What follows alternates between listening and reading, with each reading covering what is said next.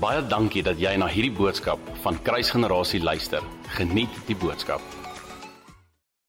Kan ek dalk begin deur deur die volgende te sê vir ons as 'n family en vir enigiemand wat luister obviously op livestream. Wel, hierdie gaan nou volgende week um op Facebook kom en op YouTube. As gevolg van die tyd waarin ons lewe, kan ons nie bekostig om 'n kragtelose kerk te hê nie. Die wêreld is honger. Die wêreld is confused. Die wêreld is verblind. Die wêreld lewe onder die leuns van die vyand. En as ons 'n kerk het wat wat invloei met die dinge van die wêreld en lyk soos die wêreld, gaan die wêreld nooit gered word nie. Daar's iets wat die kerk moet dra wat anders lyk as wat die wêreld is en dis juis dit wat maak dat mense gaan kerk toe kom. Dis juis dit wat maak dat mense Jesus gaan ontmoet. Dis juis daai uitnodiging. Ons kan nie bekostig om 'n kragtelose kerk te te hê nie. Ons kan nie toelaat dat die kerk bestuur word uit menslike vermoë uit nie. Hoor, hoor my mooi en en ek weet ek wil nie vandag aanklagte bring teen teenoor die kerk nie, maar ek weet hierdie is accusations wat in die gees gaan in elk geval. So die oomblik wanneer ek hierdie sê is dit nie accusation nie, ek bring waarheid, ek bring lig op die op die onderwerp. Hier's invitation vir ons dat die kerk is vol professionele mense reg oor die wêreld. Daar's professionele worship leaders, daar's professionele predikers, daar's professionele mense wat hallo sê, daar's professionele mense wat met kinders werk, daar's professionele beraders. Almal is almal is professioneel. Hulle is so goed in dit wat hulle doen. Um hulle is so goed in dit wat hulle doen dat die oomblik wanneer hulle hier staan en 'n mic vashou, kan die wêreld nie eers agterkom is hierdie ouens nou anointed of is hulle nie anointed nie, want hulle is so professioneel. Maar die kerk kan nie toelaat dat ons ons as mens en die wat hier staan in menslike vermoë optree nie. Okay, ons kan so goed wees soos wat ons kan wees en en hoor my mooi, die talente en die gawes is vir, vir ons gegee van van 'n Vader af. Maar ons kan nie toelaat dat dit wat ons dra, die talent wat ons het, die gawe wat die Here vir ons gegee het, dat ons dit alles doen in ons vermoë nie. Ons het nodig dat God kom blaas. Ons het nodig dat God kom beweeg. Ons het nodig dat God deur ons werk. As ons dienste gehardloop word op die vermoë van mense, dan gaan ons feel good moments hê in dienste. En hoor mooi, 'n feel good moment verander niemand se lewe nie. Daar daar moet 'n verskil wees tussen 'n optrede van wie gaan ek gebruik? Steve Hofmeyer en die kerk. Ek ek kan nie op 'n plek wees waar ek loftes toe gaan en Steve Hofmeyer sing en ek voel amazing en ek sing saam met hom en en daar's soveel joy in my hart en ek kom kerk toe en ek be beleef nie eers joy nie. En ek beleef nie eers dat ek vrymoedigheid het om te sing nie.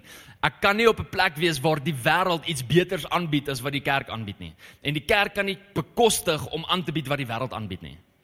Die oomblik wanneer die kerk begin lyk soos wat die wêreld lyk, dan moet die kerk die hele tyd compromise om goed van die wêreld in die kerk te sit sodat die wêreld kan kom. Wie van julle weet dat die dinge van die wêreld red niemand nie? Ons het Jesus nodig. Ons het Heilige Gees nodig. Ons het nodig dat God opdaag met sy gees, met sy krag, waar hy kom doen wat net hy kan doen, wat niemand anders kan doen nie, sodat wanneer iemand na dit kyk, dat hulle kan sien en kan sê, "Daai was nie menslik nie." Want wie van julle weet, ons dien 'n bo-natuurlike God. Ons dien die God van die onmoontlike.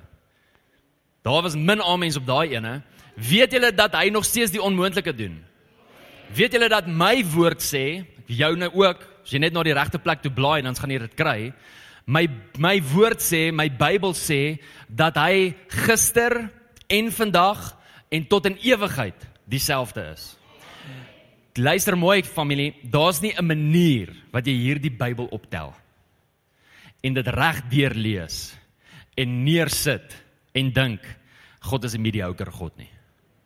Daar's nie 'n manier wat jy hierdie Bybel oplees, hierdie hierdie boek optel en lees en hom neersit, as jy hom van cover tot cover gelees het en dink dat God nie amazing goed kan doen nie, dat daar niks onmoontlik is vir hom nie. Daar's nie 'n manier wat jy hierdie lees en dink dat hy opgehou het nie dat dit net vir daai tyd was nie. Daar's nie 'n manier wat jy tot daai konklusie kom nie. Jy kom tot daai konklusie as gevolg van leuns.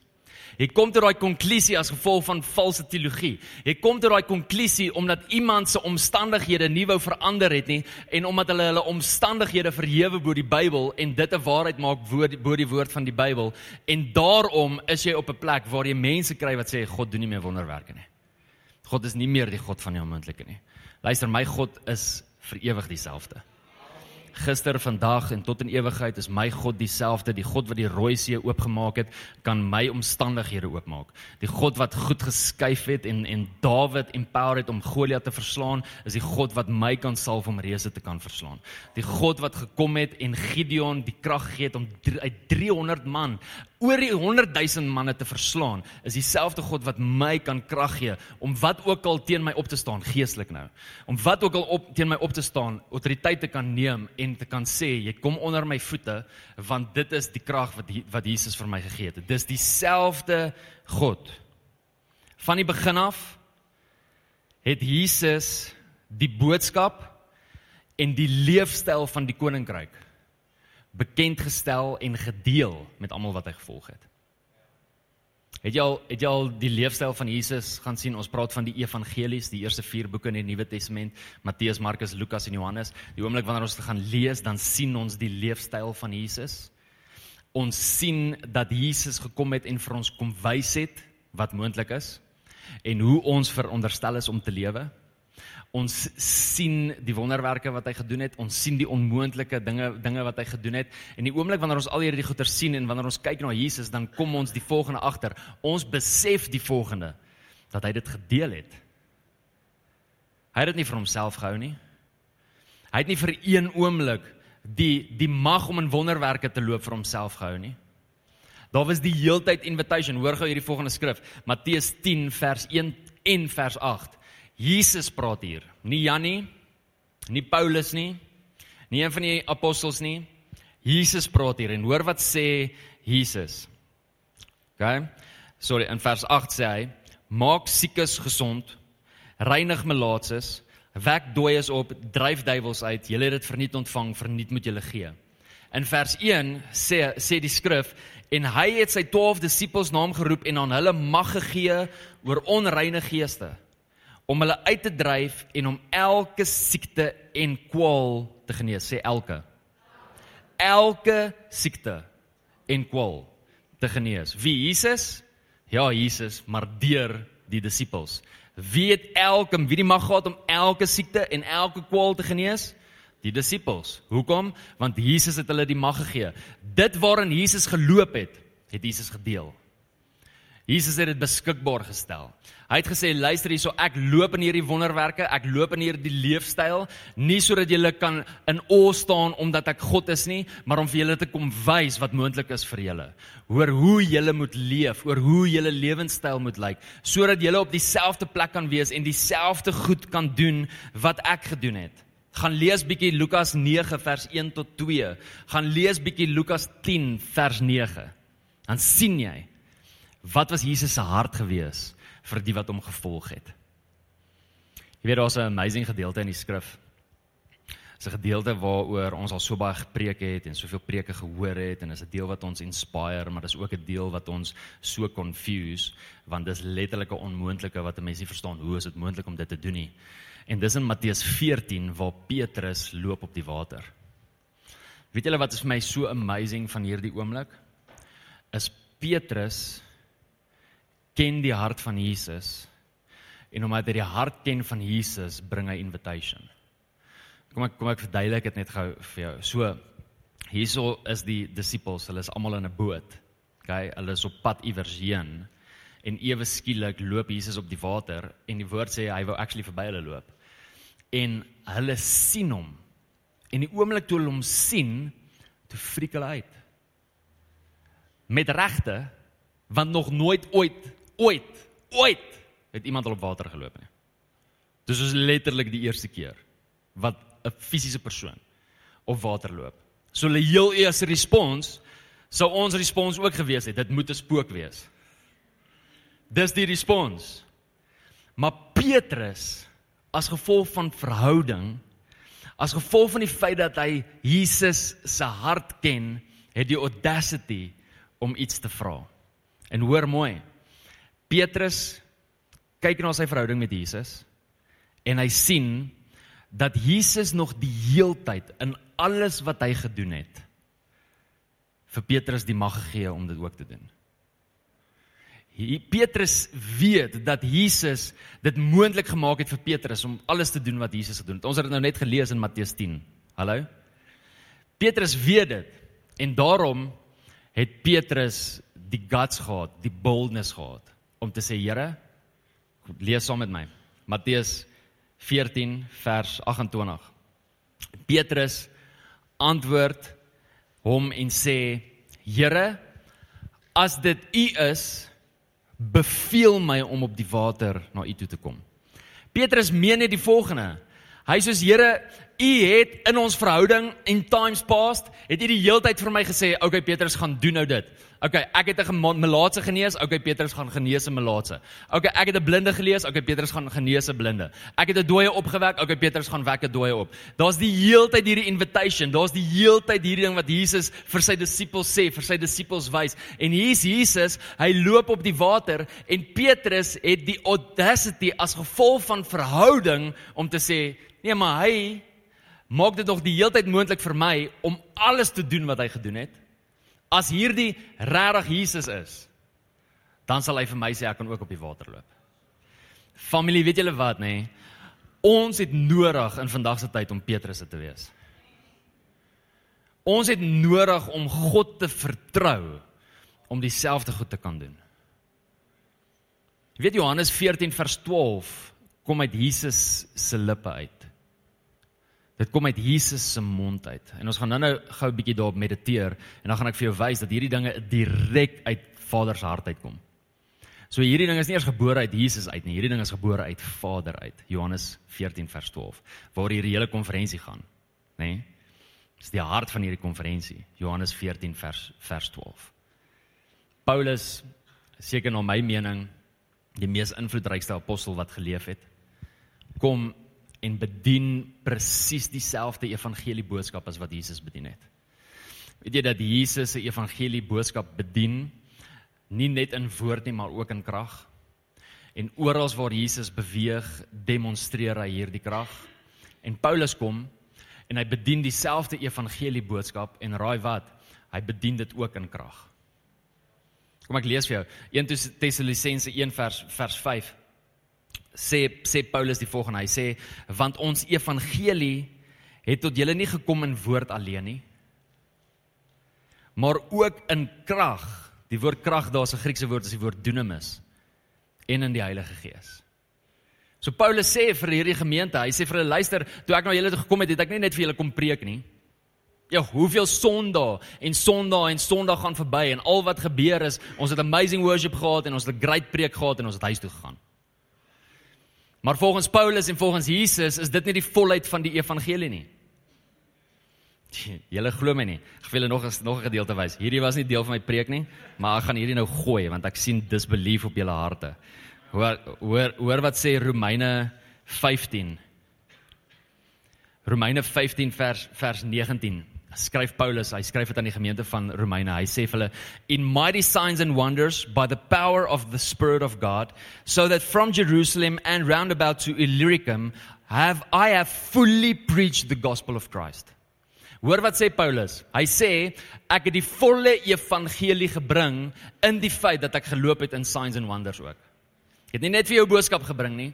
Ek het nie net vir jou 'n mooi boodskap gebring, feel good message oor 'n lam wat geslag is en vir jou genade gee sodat jy kan hemel toe gaan en vir ewig en lekker in jou rocking chair hemel toe gaan nie. Dis nie die boodskap wat ek vir jou gebring het nie.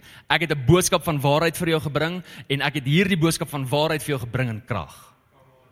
In signs and in wonders met die krag van die Heilige Gees, dieselfde woord dunamis, krag. Dis dieselfde woord wat ons vind in Handelinge 1 vers 8, toe Jesus vir hulle gesê het julle sal krag ontvang wanneer die Heilige Gees oor julle oor julle kom. Dieselfde woord dunamis.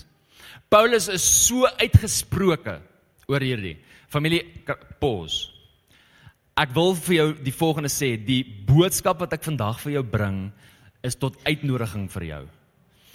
Hierdie is om jou nie te diskwalifiseer nie. Hierdie is om jou te kwalifiseer. Ek wys vir jou wat Vader se hart is oor jou lewe.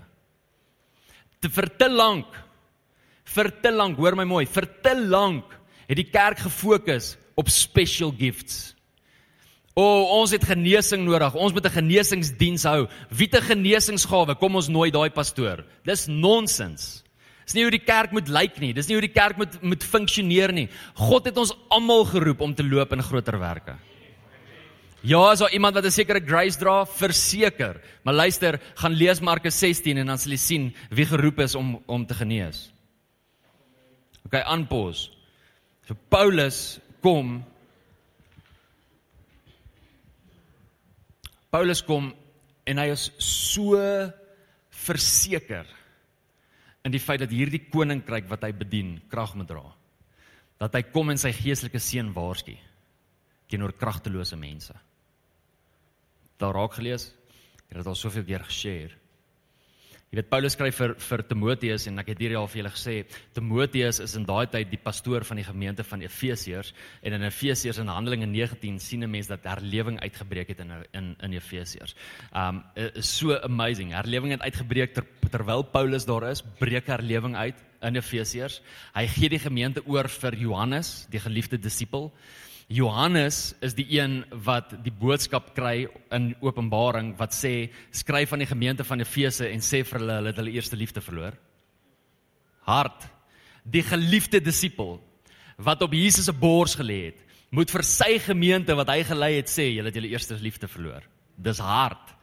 Johannes gee hierdie gemeente oor aan Timoteus wat 'n jong man is en hierdie gemeente is nog steeds in herlewing. En Paulus kom en hy skryf hierdie briewe aan Timoteus terwyl hy die leier is van hierdie gemeente. En hoor wat sê hy? Ek ek gaan hierdie hele gedeelte vir julle moet lees sorry. Ek wou net vir julle een skrifgie lees. Nou gaan ek hierdie hele gedeelte vir julle lees. Die skrif van God die woord van God dra meer krag as die woord van mens. Jy het nodig om hierdie te hoor. Hoor wat sê Paulus vir Timoteus. Hy sê but know this that in the last days perilous times will come. As ons in die laaste dae kan ek net vir jou sê volgens die woord van God Petrus sê dit ook is ons al in die laaste dae van Jesus gekruisig is. Teologies is ons al vir die laaste 2000 jaar in die laaste dae. So ons is in die laaste dae as jy gewonder het. OK, dis waar ons is, ons is in die laaste dae. En Paulus sê in the last days perilous times will come. Julle wat beteken die woord perilous? Dit beteken daar's 'n society wat onvrugbaar leef en sekere goed kanselleer. Met ander woorde sê sê dat sekere goeders nie so is nie. Sjoe, dit, dit klink soos waar ons nou is. Dit klink soos die wêreld wat vir ons sê dat God sekere goeders nie nou kan doen nie. Dit klink soos mense wat valse teologie vashou wat vir ons sê dat God nie meer genees nie, dat God nie meer deurbraak bring nie dat God nie meer praat met ons vandag nie. Julle skrik, maar het julle geweet daar's sulke teoloë wat dit sê dat God nie meer praat vandag nie. God het klaar gepraat hier in sy woord. Dis interessant want Jesus sê dat sy ons die sy skape sy stem klink ken. Hy sê ook dat ons lewe volgens elke woord wat uit God se mond uitkom. Ek het nodig om God se stem te hoor. Dan sê hy vers 2: For men will be lovers of themselves. Dik. Lovers of money. Dik. Boasters. Dik. Proud. Dik. Blasphemers. Dik. Disobedient to parents. Dik. Unthankful. Dik. Unholy. Dik. Unloving unforgiving, tick. Slanderers without self-control, tick. Brutal, tick. Despisers of good, tick. Traitors, tick. Headstrong, okay, julle kry tik dan nou, nê. Headstrong, haughty, lovers of pleasure rather than lovers of God. Lovers of pleasure rather than lovers of God. Nee, ek ek kan nie kerk toe kom nie want as ek nie kerk toe kom nie, het ek nie tyd om saam met my familie te spandeer nie. Het ek nie tyd om boot te gaan ry nie. Het ek nie tyd om vis te gaan ry nie. Lovers of pleasure rather than lovers of God. En hoor wat sê hy vers 5. Having a form of godliness, hulle lyk so goddelik, but denying its power. Die woord power daar is die woord dunamis. denying the Holy Spirit power. Handelinge 1 vers 8. Hulle is hulle lyk so goddelik, hulle lyk so geestelik, hulle lyk so amazing, maar hulle hulle deny die krag van God. En hoor wat sê Paulus? Hoor wat sê Paulus? Hy sê from such people turn away turn away. Dis my so ironies dat daai mense sê, "Jo, jy moet pas op vir hierdie kerke, jy moet pas op vir hierdie mense, moenie na hulle toe gaan nie." Maar die woord sê actually dat ons van hulle af moet weg wegdraai. Mense wat sê, "Nee, God doen nie meer hierdie goed vandag nie. Nee, God beweeg nie meer nie. Nee, God genees nie meer nie. Nee, God doen nie." Die woord sê, "Draai weg van sulke mense af." Ou, harde woord. OK, kom ons maak dit weer lig. Die geliefde disipel Johannes van wie ons nou net gepraat het, nê? Nee, kom en hy skryf 'n boodskap. Hy vat dit actually verder. Hy skryf in sy brief 1 Johannes 2 vers 6. Skryf hy en hy sê die volgende. Hy sê, "Oké, okay, as jy sê dat jy in Jesus is, dan gaan jou lewe lyk soos toe Jesus op hierdie aarde gewandel het." Kom ek lees dit vir jou want jy glo my nie. Johannes 1 Johannes 2 vers 6. Hoor wat sê die Bybel? Die Bybel sê die volgende: He who says he abides in him ought himself also to walk just as he walked. So as jy sê jy's in Jesus, dan lyk jou lewe soos wat Jesus in gelyk het. En weet julle wat? Jesus was nie net vriendelik met mense nie. Jesus het nie net goeie dade gedoen nie. Jesus het wonderwerke gedoen. Jesus het mense vrygemaak. Jesus het demoonbesete mense vrygemaak. Hy het duiwels uitgedryf. Dis wat Jesus gedoen het. As ons sê ons is in hom, dan lyk ons lewens so. Uitnodiging vanoggend. Hoor hierdie mooi gedeelte. Ag, het ek al preke gehoor oor hierdie skrifgedeelte. Efesiërs 2 vers 10. Efesiërs 2 vers 10 is is hier is die openbaring van my boodskap. Hier is die hier is die klem van my boodskap. Hier is die kruks van my boodskap. As jy as jy alles nog gemis het, moenie hierdie mis nie. Okay? Hier is hier is dit nou. For we are his workmanship. Okay? We ons, julle, ons, we are his workmanship. Die Griekse woord daar is die woord poema. Ek het al soveel mooi preke gehoor wat sê ja, poema is eintlik die woord vir Engels wat sê poem en jy is God se poem en ag as Jesus aan jou dink aan dink hy aan 'n gediggie. Luister, dis alles goed en wel, maar dis nie wat dit beteken nie. OK? Daai woord beteken nie jy is sy poem nie. Dit beteken you're his workmanship. Dit beteken that you are manufactured. Dis wat die Grieks beteken. It means that you are a product of him. Dis wat hierdie woord, dis wat hierdie woord letterlik beteken. Wag, kom ek sê vir julle nog presies, presies wat dit beteken. OK? Ha, waar is dit? OK? A design produced by an artisan. Jy's gedesign deur God. Ons is gedesign deur God. We are his workmanship. Hoor wat sê hy? We are his workmanship created in Christ Jesus for good works. Raai wat die Griekse woord vir die woord works daar is die woord ergon. E R G O N, ergon. Okay? Ek gaan nou nou vir julle iets ietsie wys. Greater works, net 'n hint, okay? Okay. Jesus for good works en en hoor wat sê die laaste gedeelte van hierdie skrifvers skrifvers. Hy sê which God prepared beforehand that we should walk in them. So hierdie is wat dit sê. God het ons gemanufacture, hy het ons gedesign, Ons is 'n produk van hom. Hy het voor die tyd bepaal en ons so gemaak dat ons sal loop in sy werke. God het ons gemaak om te loop in sy werke. God het ons gemaak om te loop in dit waarvoor hy ons design het. Kom ek gee gou vir jou 'n prentjie. Picture jou kar. Kyk, picture die kar wat jy wil hê. Picture die kar wat jy wil hê. Het jy hom? Wat se kar dit ook al is. Okay? Amazing kar mooi kar, dierkar. Die kar van jou drome. Het jy geweet dat daai kar niks beteken sonder 'n bestuurder nie? Nee? Soveel geld spandeer in daardie kar. Soveel designing gedoen oor daardie kar. Maar jy geweet dat daardie kar 'n spesifieke plek het waar daar 'n sitplek is en 'n stuurwiel is en ratte is wat 'n bestuurder moet doen, moet bestuur. En die bestuurder bepaal hoe vinnig daardie kar gaan en die bestuurder bepaal waantoe daardie kar gaan. OK, hoor nou terug. We are God's workmanship. God het ons gemaak soos die kar. En hierdie kar is niks as sy gees hom nie kom bestuur nie. Sy gees moet my kom bestuur soos wat sy gees Jesus kom bestuur het. Ja, ek hoop nie hulle mis hierdie nie. OK. God het jou design met 'n sitplek. Hy het jou design met 'n spesiale plek vir Heilige Gees. Hoor wat sê Johannes 14 vers 12 waar hierdie konferensie gaan. Most assuredly I say to you he who believes in me. Wie glo in Jesus? Awesome. As jy nie jou hand opgesteek het nie, moes jy nou-nou hier gewees het. Soos vir bid. Okay? He who believes in me, the works Griekse woord ergon that I do he will do also. Terug die vorige vers toe. Ephesians 2:10 For we are God's workmanship created in Christ Jesus for good works which God prepared beforehand that we should walk in them. Voor die grondlegging van die aarde het God geweet, hy gaan sy seun stuur om vir ons 'n voorbeeld te wees sodat ons sy voorbeeld kan volg, sodat dit wat Jesus gedoen het, ons kan doen. Daarom het Jesus gekom en het Jesus gesê dat die werke wat hy doen, ons ook gaan kan doen. Want God het dit so design. Want ons is deel van sy workmanship. Want is deel van sy plan. Maar raai wat?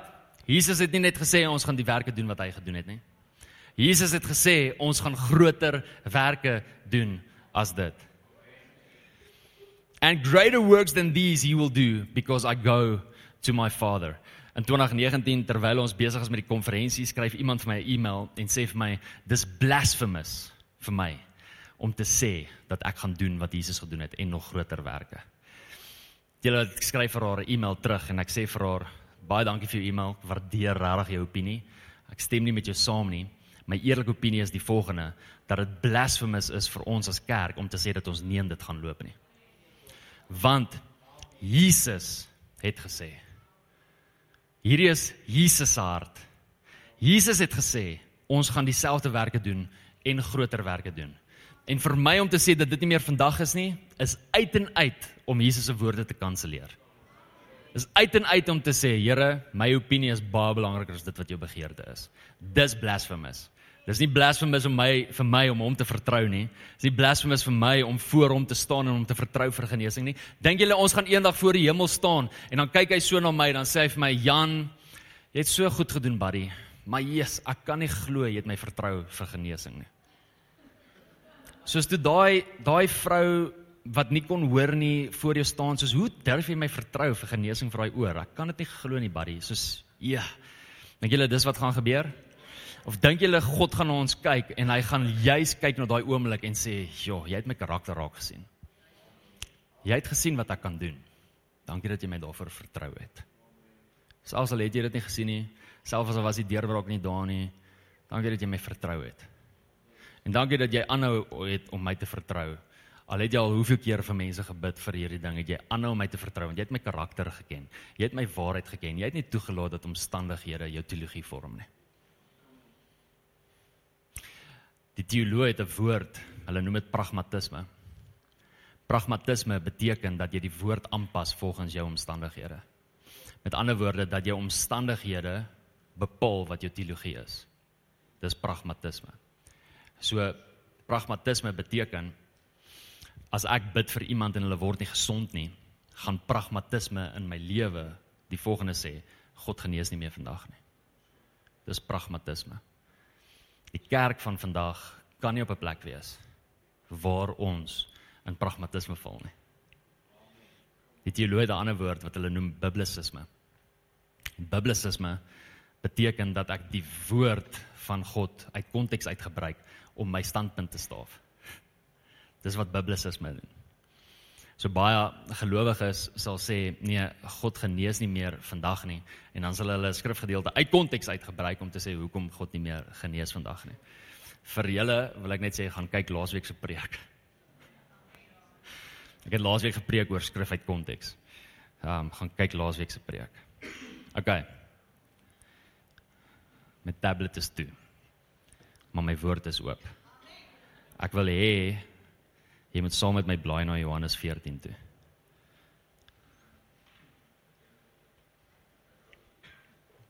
Saam met my blaai of saam met my fliek met jou vinger of hoe jy ook al wil maak. Jy kan jou Bybel uithaal of jy kan jou selfoon op jou Bybel uithaal. Moet nou nie sidetrack te draak en op Instagram gaan nie. Moet nou nie gaan kyk wie die UFC fight gewen nie. Moenie gaan kyk na die highlights van gister se game nie. Bokke. Okay. Fokus fokus op die skrif. Het julle al Johannes 14 gelees? Jesus, julle wat wat 'n gedeelte. Jy weet Johannes 14 val onder die laaste woorde wat Jesus vir sy disippels share. Johannes 14, Johannes 15 en dan Johannes 16 en 17. Johannes 17 kry hy die laa hoëpriesterlike gebed wat Jesus gebid het vir ons almal. En in Johannes 14 begin dit deur vir ons konteks te wys oor met wie Jesus hier praat. Baie mense mis daai skrifgedeelte. Dis die gedeelte waar Jesus sê daar's mansions in die hemel. In my Vader se huis is daar baie mansions. Het jy al gemediteer op dit? Hoe is daar huise in 'n huis? Weet julle wat's amazing? Dat dit maak nie saak waar jou huis gaan wees nie, jy gaan in God wees. Dis wat dit beteken. In my Vader se huis is daar baie wonings. So daar's 'n huis binne 'n huis. Waar ook al jy gaan wees in die hemel, jy gaan in sy teenwoordigheid wees. En dan sê hy, ek gaan hom vir julle plek voorberei. Né? Nee? En dan sê hy as ek klaar is, dan kom ek terug. En die oomblik wanneer ons dit lees, dan dink ons, "Jo, Jesus, hoekom vat jy so lank?"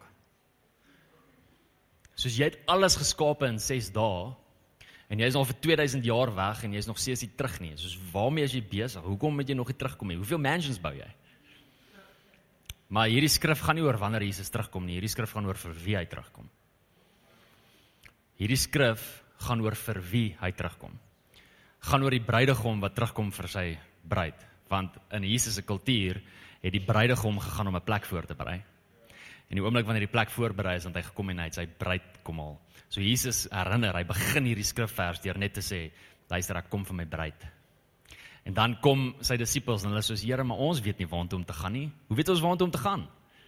En die famous gedeelte Johannes 14 vers 6 I am the way, the truth and the life. No one comes to the Father except through me. Yes, ons het daai liedjie gerok toe ek in jeug was. One way Jesus. You are the way, the truth and the life. We live by faith and not by sight for you, né? Nee? Wie word nostalgies. Dit was 'n awesome, awesome skrifgedeelte. en dan praat hulle dan dan praat hulle en dan sê hulle, Here, maar wys ons die Vader. En Jesus sê die volgende, hy sê maar Hoe kan julle vir my vra om julle die Vader te wys? Het julle my nie gesien nie? Soos weet julle nie dat as jy my gesien het dat jy die Vader gesien het nie? It's amazing. Kind van God, weet jy dat jy hier is om Vader se hart te openbaar? Weet jy dat wanneer mense na jou kyk dat hulle die Vader moet sien? Dis wat Jesus hier vir ons leer. En dan kom ons in in vers 10. Hoor wat sê vers 10. Do you not believe that I am in the Father and the Father in me? The words that I speak to you, I do not speak on my own authority, but the Father who dwells in me does the works. Wow. In 2019 het ek 'n teologiese ap apologetiese preek gebring oor hoekom groter werke vir vandag is. En hoekom ons gekwalifiseerd is om hierdie te kan doen. Gaan luister dit, was in 2019. En een van die goed wat ons wat ons gesê het, wat ek gesê het is dat Jesus niks gedoen het uit die feit dat hy God was nie. Maar dat Jesus alles gedoen het uit die feit dat hy gesalf was deur God. Ons lees dit, daar's soveel skrif. Ek kan nie nou in dit ingaan nie want dit is 'n preek op op sy eie. Maar hier is net bewys van dit. Hoor wat sê Jesus? Hy sê but but the father who dwells in me does the works. It's amazing verklaring. Jesus sê dit. Hy sê hy doen nie die werke nie. Die Vader doen die werke deur hom. So net net staaf op wat ek gepreek het in 2019. En dan vers 11 sê, "Believe me that I am in the Father and the Father in me." Or else, believe me for the sake of the works themselves. Sjoe. Family, hoor wat ons lees. Hierdie is wat Jesus sê. Hy sê, "Glo my dat ek in die Vader is en dat die Vader in my is." En as jy my nie glo nie, Glo my as gevolg van die werke. Glo my as gevolg van die werke. Met ander woorde, hierdie is wat Jesus sê. Die werke wat ek doen is so bonatuurlik dat die oomblik wanneer jy na my kyk, dat jy moet weet Dis God wat dit doen. Dis God wat dit doen. OK? Luister, om te smile beteken nie daar's 'n God nie. Om joy te hê beteken nie daar's 'n God nie. Die die moslems smile ook. Die moslems het ook joy. Die moslems het ook vrede. Die moslems het ook lief.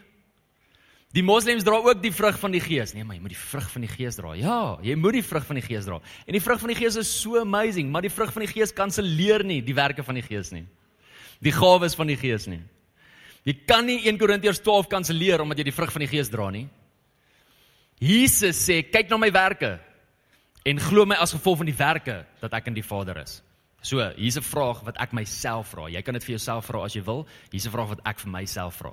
Jan, as die mense kyk na jou werke, glo hulle in 'n bonatuurlike God wat die onmoontlike gedoen. Ek vra dit vir myself. En as ek sê nee, het ek nodig om my sokkies op te trek. As ek sê nee, het ek nodig om te step up. Want hier is uitnodiging.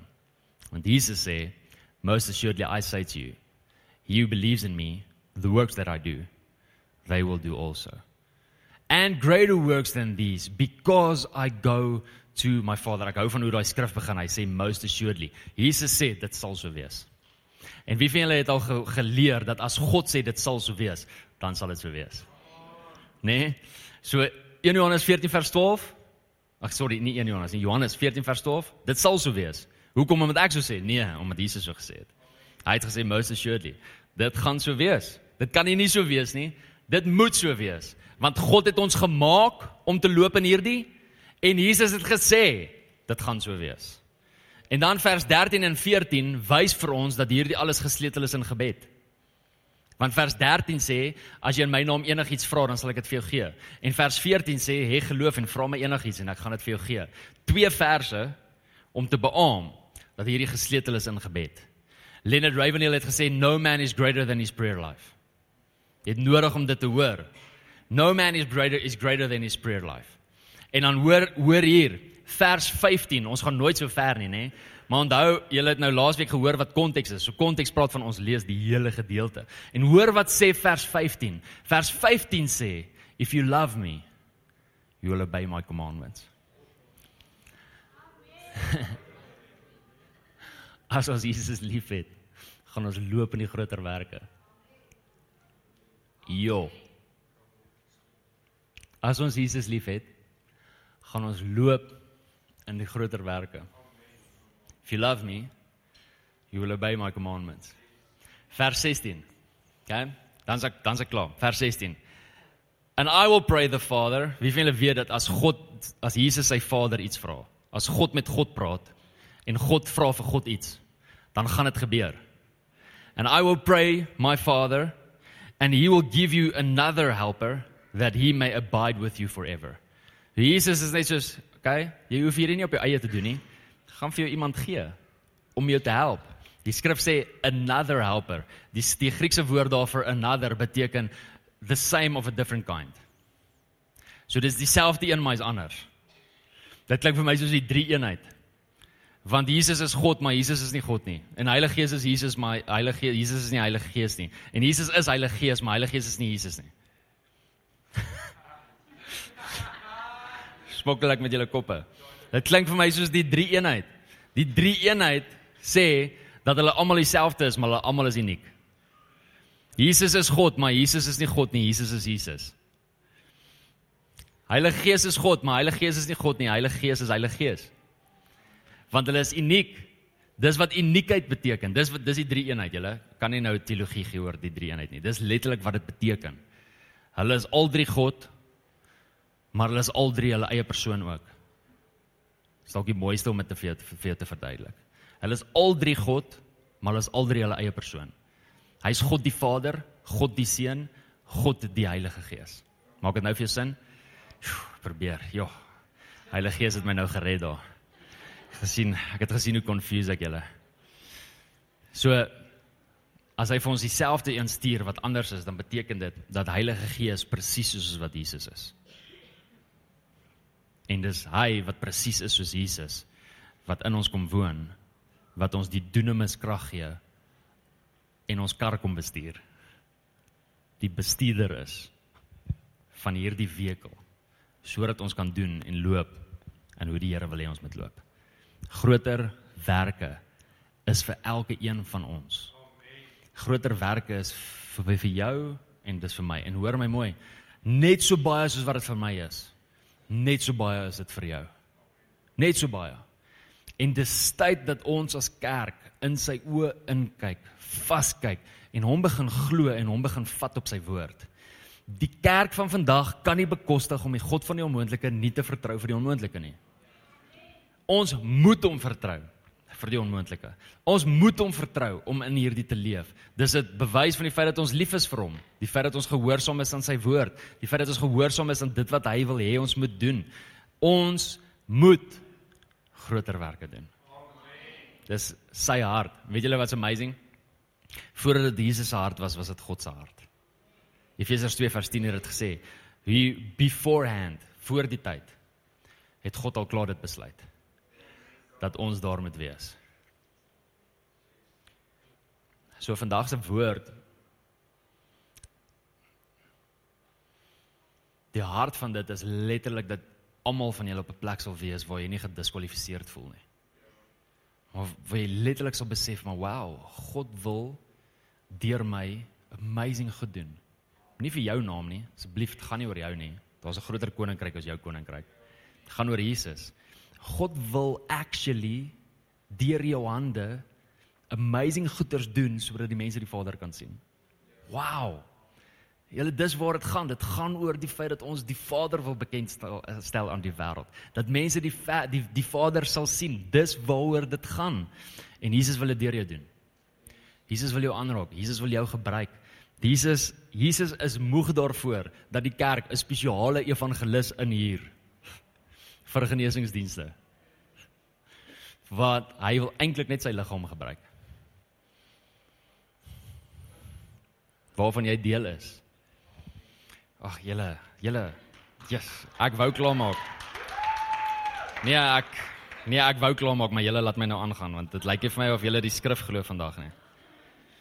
Markus 16 and these signs will follow those who believe. Net gou weer sien wie glo. Ai, hey. Lekker. And these signs will follow those who believe. These signs will follow you because you believe. In my name they will cast out demons, they will speak with new tongues, they will take up serpents and if they drink anything deadly it will by no means hurt them. Daar's 'n goeie teologiese verduideliking vir hierdie want ek nie nou gaan ingaan nie. They will lay hands on the sick and they will recover. What? So as hoef jy die evangeliste nooi nie, God kan my gebruik. Ah.